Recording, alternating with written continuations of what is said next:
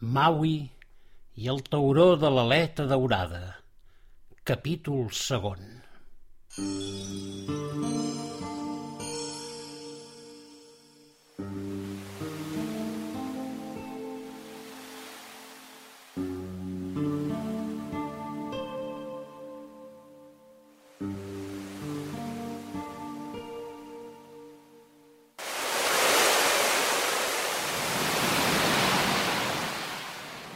Els déus del mar, que saben tot el que passa als oceans, no van veure amb bons ulls la tossuderia d'en Maui de voler pescar un tauró d'aleta daurada que per a ells era un ésser sagrat. Maui pertanyia a l'estirp dels únics pescadors capaços de fer-ho i es van sentir amenaçats. Per aquesta raó Poseidó va desfermar una gran tempesta que sacsejà la barca del jove pescador. Però si una cosa havia pres aleshores d'haver quedat sol i a la deriva als set anys i amb el temps havia perfeccionat, era la de governar la nau amb destresa. Tant li feien les grosses onades que com muntanyes gegantines embestien el fustam. Ell desplegava la vela i la governava de tal manera que més que una barca Semblava una taula de surf jugant amb l'escuma de les ones.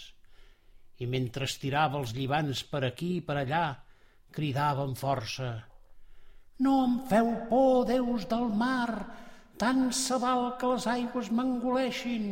Ja ho vam fer un cop i vaig surar. Per més que ho vulgueu, no m'aturareu fins que trobi el meu pare!» Aquells crits només feien canonjar molt més el déu Posidor que descarregava la seva fúria contra Maui.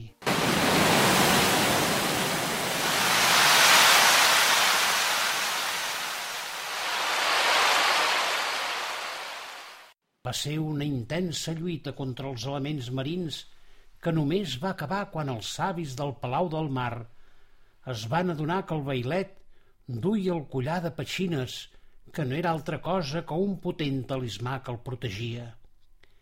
Vet aquí com aquell present que els déus deixaren en lloc del tauró de l'aleta daurada pescat per la família d'aquell petit però valent pescador.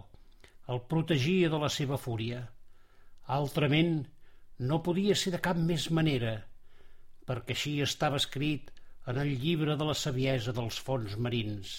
Si mai algú pesqués un tauró d'aleta daurada, aquest no podria tornar al fons del mar sense bescanviar-lo pel collar de petxines protectores. Tot aquell que dugui el collar no pot ser aturat. Les ones, aleshores, es van amansir i la calma va tornar a poc a poc. Maui, exhaust per la lluita, va jeure al fons de la barca i es va adormir. La vela havia quedat desplegada i el vent empenyia la petita nau seguint els corrents marins que travessen el Pacífic.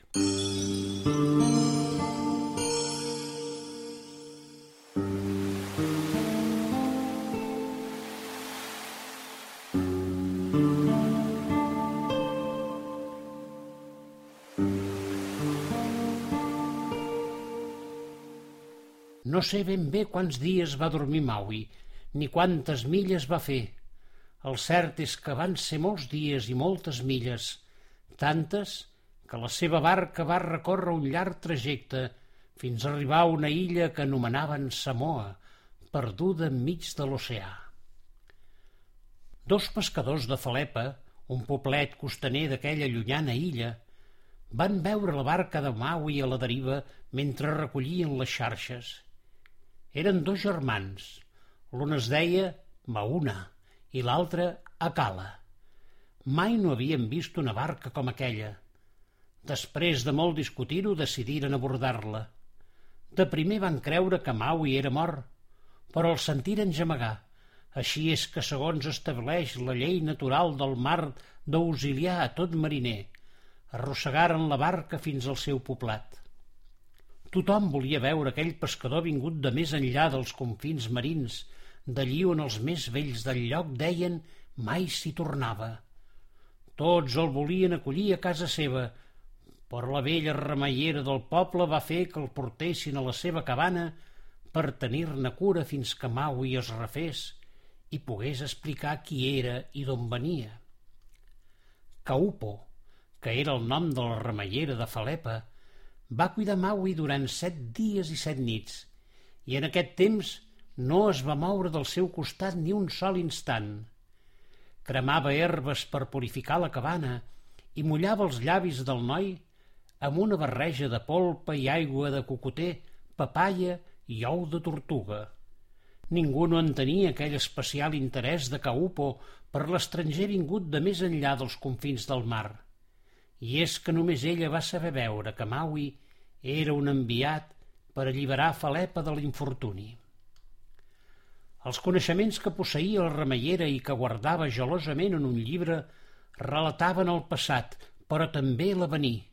Només Caupo el sabia interpretar i part del seu afer diari a més de guarir malalts i ferits i donar bons consells, era el de relatar a la gent les visions del que havia de passar i els records del que havia succeït.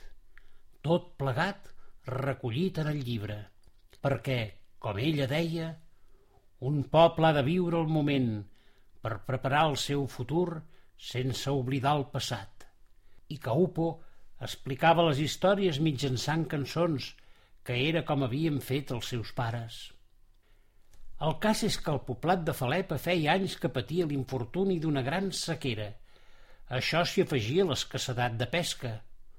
Una de les cançons que cantava Caupo deia fins que un dia que vindrà dels confins un vent de pluja la dissort ens llevarà i de tot el que ens enutja fins que un dia que vindrà.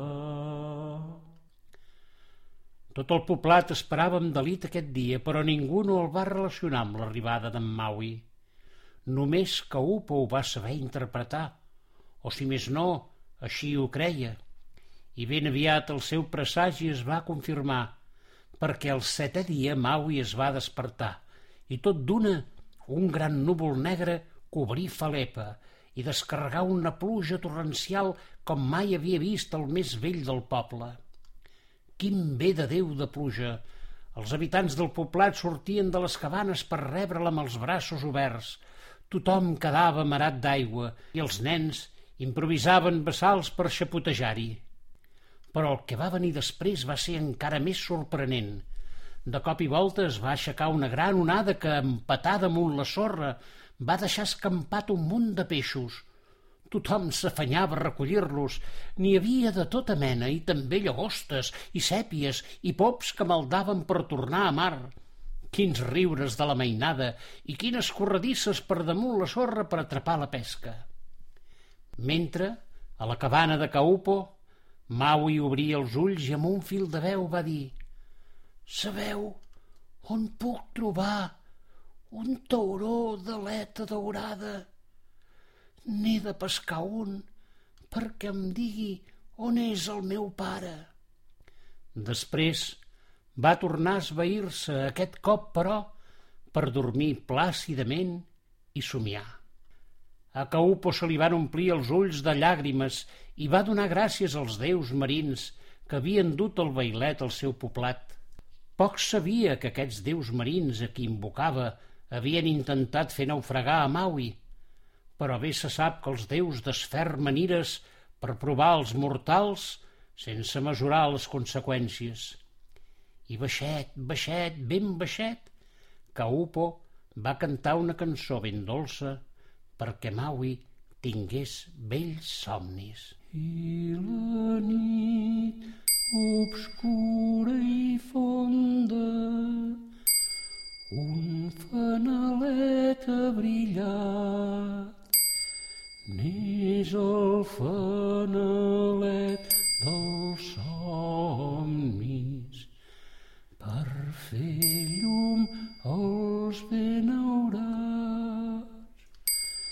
Mm.